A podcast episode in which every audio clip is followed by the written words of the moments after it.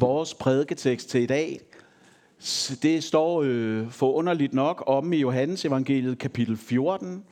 Det er ikke øh, fra apostlenes gerninger, men fra Johannes evangeliet, hvor Jesus han øh, siger noget vigtigt. Det står på side 977 i spalte 2, hvis man har en bibel, der sådan er layoutet og samme årgang som min. Og ellers så har jeg også sat teksten øh, herop, som David styrer nu. Men vi vil rejse os op og høre i Jesu navn, hvad der står. Der står sådan her. Judas, ikke Iskariot, sagde til ham, Herre, hvordan kan det være, at du vil give dig til kende for os, men ikke for verden?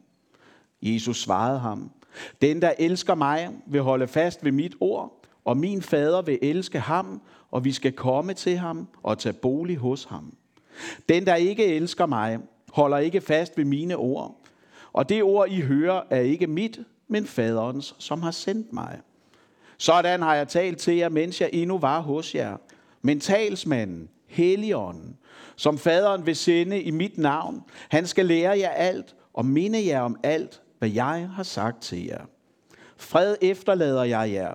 Min fred giver jeg jer. Jeg giver jer ikke som verden giver. Jeres hjerte må ikke forfærdes og ikke være modløst.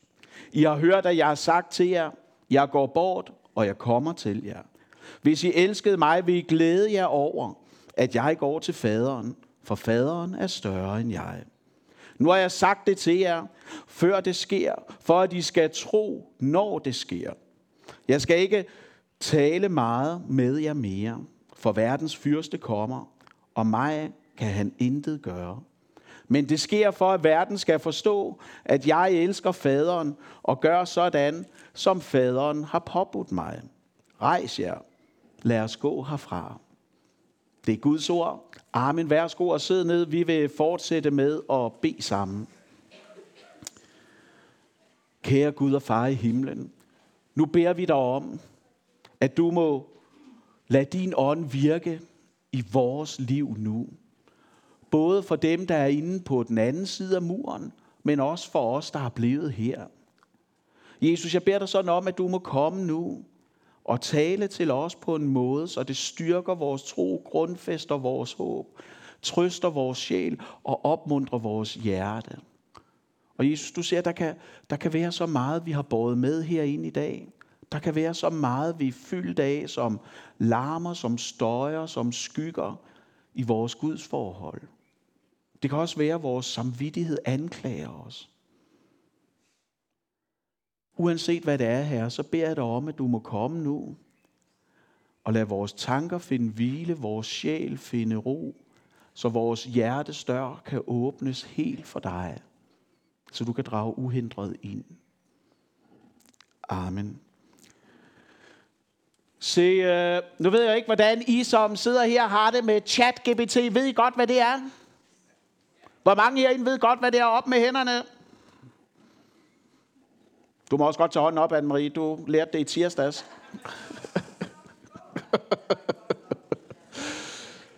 Men sagen er jo det, at det er en kunstig intelligens, som er sluppet løs.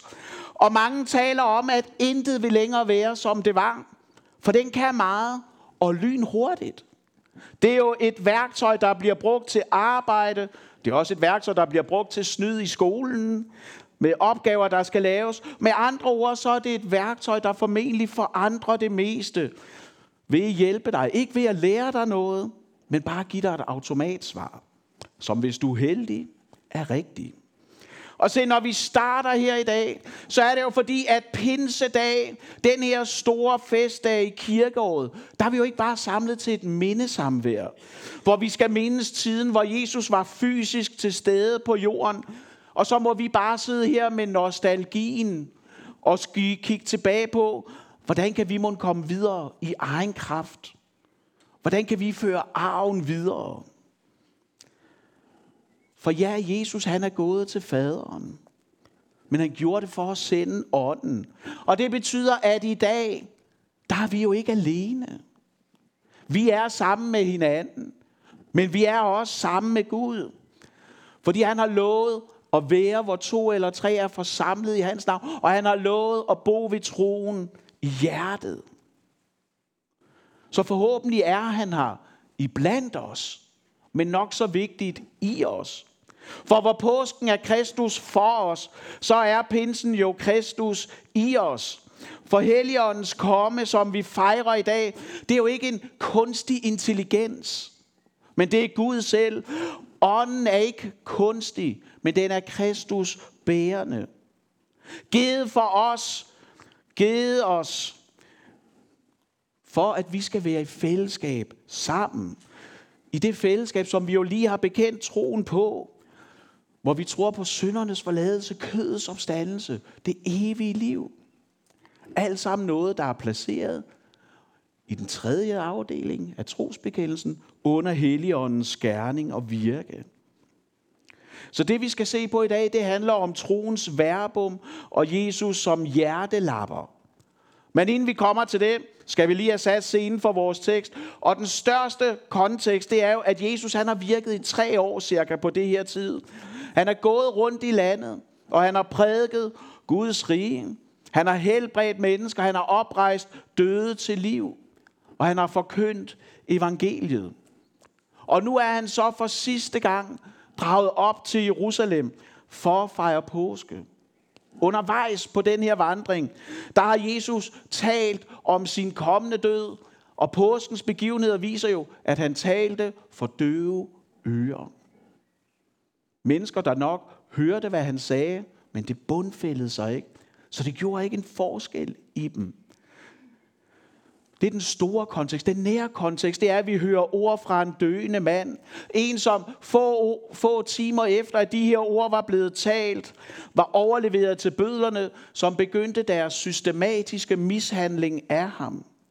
Men det mest forunderlige, det er jo, at selvom Jesus godt vidste, at nu skal jeg dø, han vidste godt, hvordan han skulle gøre det, han vidste, hvornår han skulle gøre det, og vi ved, at han frygtede det så møder vi alligevel en mand, der er mest optaget, ikke af sin egen frygt, men af den frygt, som disciplene vil mærke og møde, og hvilken effekt det vil have i deres liv.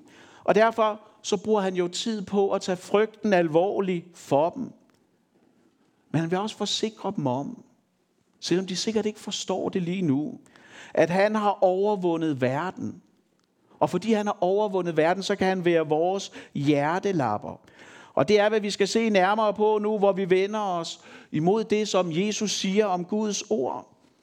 Og jeg vil gerne, at vi lige starter med at kigge lidt på japansk øh, keramik, som hedder kintsugi. Det er ikke sikkert, at en japaner vil anerkende udtalelsen sådan vel. Men kintsugi, det er den her teknologi eller teknik, hvor man tager noget, der er gået i stykker. Noget, der er smadret, noget, der er brudt ned. Og så lapper man det samme med guld, reparerer det. Sådan at det brudte, det får ny og stor værdi. Og det er smukt, det er dyrt, og det er på ingen måde åndens gerning i os. For hvad er det egentlig, ånden gør i vores liv? Det er jo ikke, den limer os sammen, og så får det bedste ud af vores livs stumper. Men det er, at den giver os et helt nyt liv. Det evige liv. Det er noget, ånden giver os, rækker os for at gøre det levende. Ånden er Guds tolk, det er den, der gør Guds ord forståeligt og personligt for os. For der, hvor Guds ånd virker og er, der bliver vi bundet til Guds ord i Bibelen. Og derfor så vil vi gerne være menigheden med de larmende bibler, fordi vi vil ikke bare være de bibeltroende, vi vil også være de bibelbrugende kristne, som ved, at vi har det ikke i os selv til at forblive kristne. Og derfor lever vi med åbne bibler, fordi vi ønsker at gøre Guds ord til vores ord. Vores livs fundament. Derfor arbejder vi med larmende bibler og klæbende hjerter, selvom det lige nu, altså, det er virkelig kørt i grøften sådan, ikke også? Og jeg har ikke haft tid eller overskud til lige at få rettet op på det. Men det skal vi have gang i igen. For jeg er overbevist om, at der, hvor ånden bedst kan få os i tale, det er, når vi har en åben bibel foran os. Uanset om det så er i en podcastform, en skærmform eller en fysisk form. Der, hvor vi sidder med en åben bibel, kan ånden bedst få os i tale og lære os. noget. Det er det, han er nemmest at få os i tale. Fordi hvad er det, ånden skal? Han skal jo lære os og minde os om alt det, Jesus har sagt. Måske kan I huske, hvad vi så på i påsken, hvor vi i Lukas evangeliet læste om kvinderne, der gik ud til den tomme grav og var vildt forvirret over, hvad der var sket. Det englene sagde til dem var, husk, hvad han har sagt. For når vi husker, hvad Jesus siger, når vores tro og vores hverdagsliv er præget af, at vi kender Gud og tager hans ord til os, så træder vi ind i den fred, som kun Gud kan give os, når det bliver ragt os af de navlemærkede hænder. At være fyldt af ånden, det er at være ledt af Guds ord ind i Guds planer for os. Og derfor er det, at Jesus taler om at elske og holde fast som synonymer. For kærlighed er et verbum. Det er en handling, der skal gentages løbende, for ikke at stivne. Og det betyder jo, at det her med at tro, det er ikke kun en hjertesag, men det er faktisk også en hjernesag. Det er en overbevisning og en vilje til at være sammen med Gud i både medgang, modgang og tomgang. Som vi synger, det er en af de her klassikere, der var store, da jeg var barn. Navnet Jesus blegner aldrig. Og hvis det lykkes, hvis det er din virkelighed, at navnet Jesus ikke blegner i dit liv, i dit sind, i din bevidsthed, i dit hjerte, så er det åndens værk. For han er den, der løfter vores øjne fra vores egen navle til navlerne på korset. Og viser os, at det gjorde Jesus for dig af kærlighed. Og derfor så er Bibelen jo Guds kærlighedsbrev til dig. Fordi jeg tror jo, at når vi taler om det her med bibellæsning, så er det tit noget, der ikke giver så meget glæde. Det er lige så meget noget, vi oplever skyld og skam over. Dårlig samvittighed. Gamle dage siger man jo, at folk spurgte tit hinanden, hvordan har du det med Jesus? Siger vi ikke så meget mere. Men altså, vi kan jo altid give det en renaissance. Men jeg har lagt mærke til, i hvert fald blandt unge, og jeg tror ikke nødvendigvis, man vokser fra det, at når man spørger folk i dag, hvordan har du det med Jesus, så bliver der næsten altid svaret med, hvordan ens andagsliv kører. At det er ikke det rigtige svar. Det er at svare med æbler, når man spørger om appelsiner. Fordi jeg handler, det handler jo ikke om, hvor, hvor vellykket er du, hvor styr meget på det har du. Fordi du har det altid så godt med Jesus, som han har gjort det.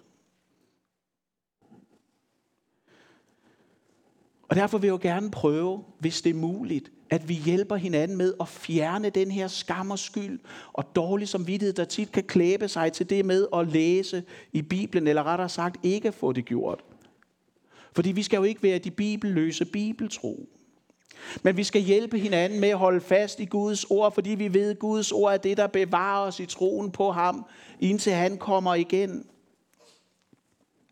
Indtil det sker, så kan vi jo godt møde modløshed og frygt. Og derfor skal Jesus ikke bare være troens banebryder og fuldender, men han skal også være vores hjertelapper. Og det er det, vi skal se på nu. Fordi hvis vi lader øjnene lige glide fra spalte 2 til spalte 1 her i kapitel 14, hvis man stadigvæk har en åben bibel, så starter hele kapitel 14 jo med, at Jesus siger, jeres hjerte må ikke forfærdes. Og jeg tror, at Jesus, når han siger det til os i dag, så er det fordi, han ved, at vi kender godt følelsen, og han vil hjælpe os til ikke at blive overmandet eller overvældet af den. For hvis vi ser efter, både i samfundet omkring os og i vores egne liv, så er der så meget, der kan tage glæden og frimodigheden fra os i troen. For der er så meget, der skygger og fylder, som langsomt, men sikkert tømmer vores hjerte for glæde. Som om det er en, en utæt tank. Som om den lægger. Og det kan godt være, at du sidder her i dag og tænker, glæden har forladt mig for længst. Det, der er tilbage, det er bare dampende Og måske endda er de ved at forsvinde også, fordi det er koldt at leve uden for paradiset. Fordi her uden for paradiset, der mærker vi syndens brutalitet, og vi mærker den menneskelige skuffelse, og vi kender alt for godt til afmagten. Så det kan være, at dit hjertes glæde kører på dampene. Fordi hjertet lægger. Det er som om, at glæden er så flygtig. I en meget, meget smuk salme, som vi synger også her indimellem, der synger vi jo, du fylder mig med glæde. Og man kan sidde og tænke, bare det ikke var så flygtigt. Bare det ikke var så midlertidigt. Og derfor er det jo, at Jesus taler om velsignelsen ved, at ånden kommer. For han er hjertelapperen, og han er hjertetrøsteren. Han er den, der gør, at vi over tid ikke bliver hverken modløse eller glædesløse. Som gør, at vi også kan synge lovsang i mørket. Vores glæde på den her jord er tit en glæde på trods. Men når ånden er der, så modarbejder den aktivt modløsheden. Ånden gør jo det ved at minde os om, at Gud ikke har glemt os. Ved at knytte os til ham, der har lovet, han aldrig giver slip. Forvisset om Guds kærlighed til mig, den modløse. For en uges tid siden cirka, eller deromkring, ved tiden flyder lidt sammen for mig her, så spurgte jeg på Facebook i forbindelse med forberedelsen til den her prædiken, hvad er egentlig modsætningen til at være modløs? Og det kom der virkelig mange gode svar ud af. Jeg tror, der er over 30 svar. I kan prøve at gå ind og kigge, hvis I vil sådan. Fordi når Jesus siger, at vi ikke skal være modløse, fair nok. Men, men hvad skal vi så gøre? Hvad er det modsatte? Hvad er det, du siger, vi skal? Og det kommer der et svar på om lidt. Men inden da vil jeg bare gerne lige minde om noget. Og det er jo til dig, der kender med det her med at være modløs. Som ikke bare synes, at det er noget ude i, i horisonten, men faktisk er noget, der er helt inde på kroppen og livet af mig. Der vil jeg bare gerne minde om noget, som Gud minder os om, om i Esajas bog. Nemlig, at Gud han bor hos den bøjede og knuste.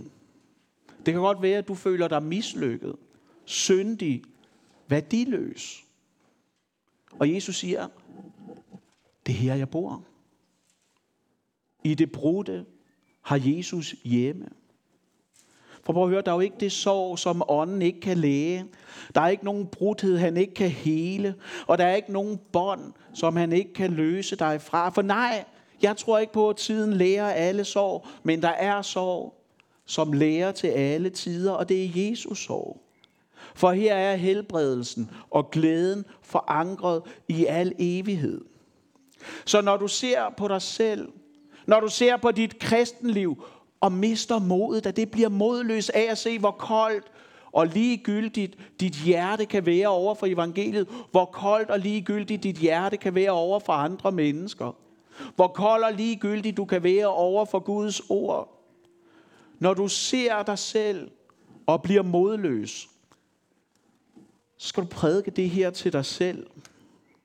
At Jesus har al magt, og hans søns blod renser for al synd og skyld. Også din. Du skal ikke betale en kvittering. For korset er det sted, hvor Gud gør den røde helt hvid, som vi så på til konfirmationen. For hvad er det modsatte af et modløst hjerte? Jeg tror, og der er mange nuancer af det, det medgiver jeg. Men jeg tror grundlæggende, det er et hjerte fyldt af tro. Ikke på mig selv, sådan som tiden prædiker. At du skal tro på dig selv, bare gør det.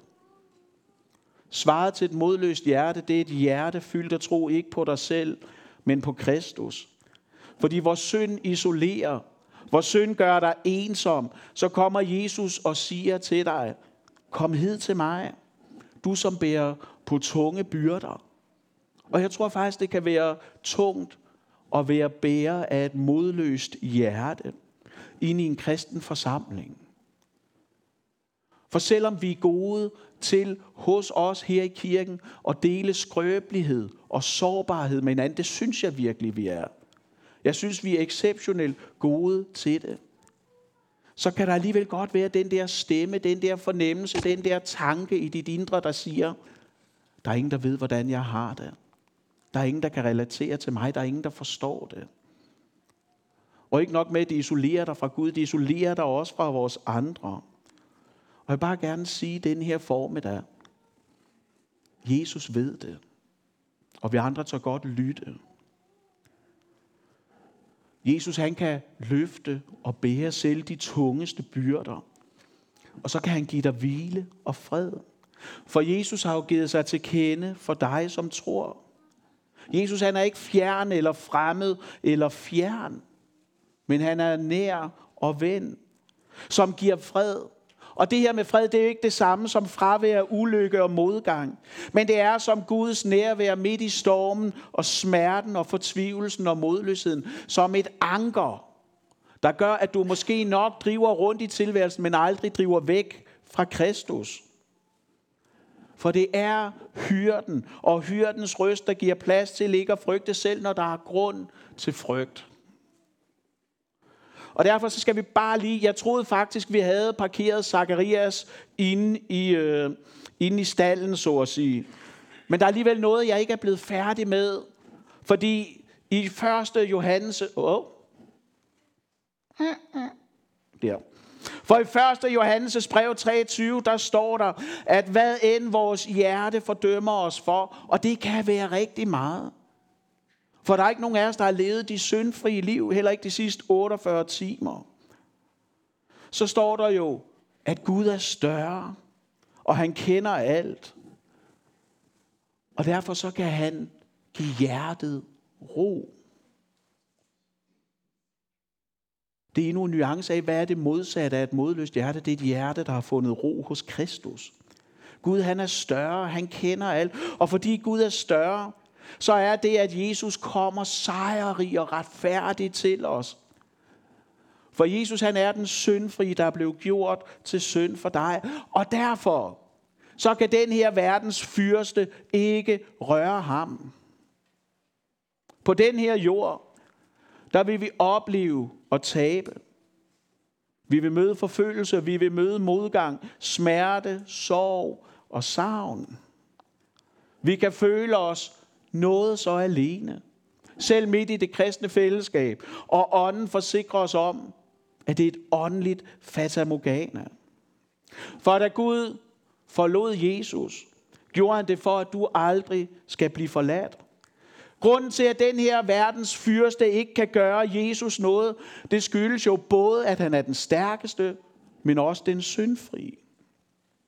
Der var intet, som Satan kunne komme med mod Kristus og få ret i. Og derfor så vi også på skær torsdag i år, at Jesus blev ikke taget til fange i Gethsemane have, men han blev overgivet af Gud. For var han ikke blevet overgivet, kunne ingen have rørt ham. Men han blev overgivet for dig. Knus for, at du skulle helbredes og få fred. Fordi gennem sit ord og sin ånd, der bringer han os ind i Guds fred. Gennem stedfortræderen, som er vejen, livets vej, ind i Guds hjerte, ind i nåden. For når du bærer Kristus i hjertet, så bærer du det fuldbragte i dig at Gud er kommet helt nær. Og det er her, vi lander dagens prædiken. Og det gør vi ved at minde hinanden om, at dig, som tror på Jesus, dig, i hvem ånden har taget bolig, du skal ikke være bange for den forsonede Gud. For når du skal stå ansigt til ansigt med Gud på den yderste dag, så vid og så husk, at Jesus har mødt ham før dig. Og gennem det møde, der føres du ind i det, der var Jesu livs egen rigdom, nemlig enheden med Gud. Fordi på korset, der stiftede Jesus fred med Gud. Os til fred kom straf over ham. Og derfor er der sorg, der lærer til alle tider. Og det er Jesus sorg. Hvis man læser efter i Nye Testamente, så kan man se, at når Paulus skriver, så kobler han hele tiden nåden og freden i sine breve. Og det betyder, at er du i Guds nåde, så ejer du også den fred, som Jesus har vundet til dig. Og så, så slutter Jesus af med at sige noget kryptisk. Verden skal forstå, at Jesus elsker faderen. Hvad gjorde Jesus for at vise det? Hvad var det for en handling, Jesus bakkede de ord op med? Det var, at han gik til korset for dig. Fordi Gud han tager jo alle dine handlinger alvorligt. Synd er alvor. Og det bliver jo ikke bare udslettet med en simpel håndbevægelse, med en navlet hånd til en ru planke. Og det er derfor, at vi hver eneste gang, når vi fejrer nadver her, og det er mig, der står for det, bliver mindet om, at der er ingen fordømmelse for den, der er i Kristus Jesus. Uanset hvor meget dit modløse hjerter råber og stråler modløshed og nederlag ud i dit liv, så er det falsk. Så er det ikke sandt. Så er det ikke rigtigt. For der er ingen fordømmelse for den, der er i Kristus Jesus. Tværtimod så er der en åben himmel.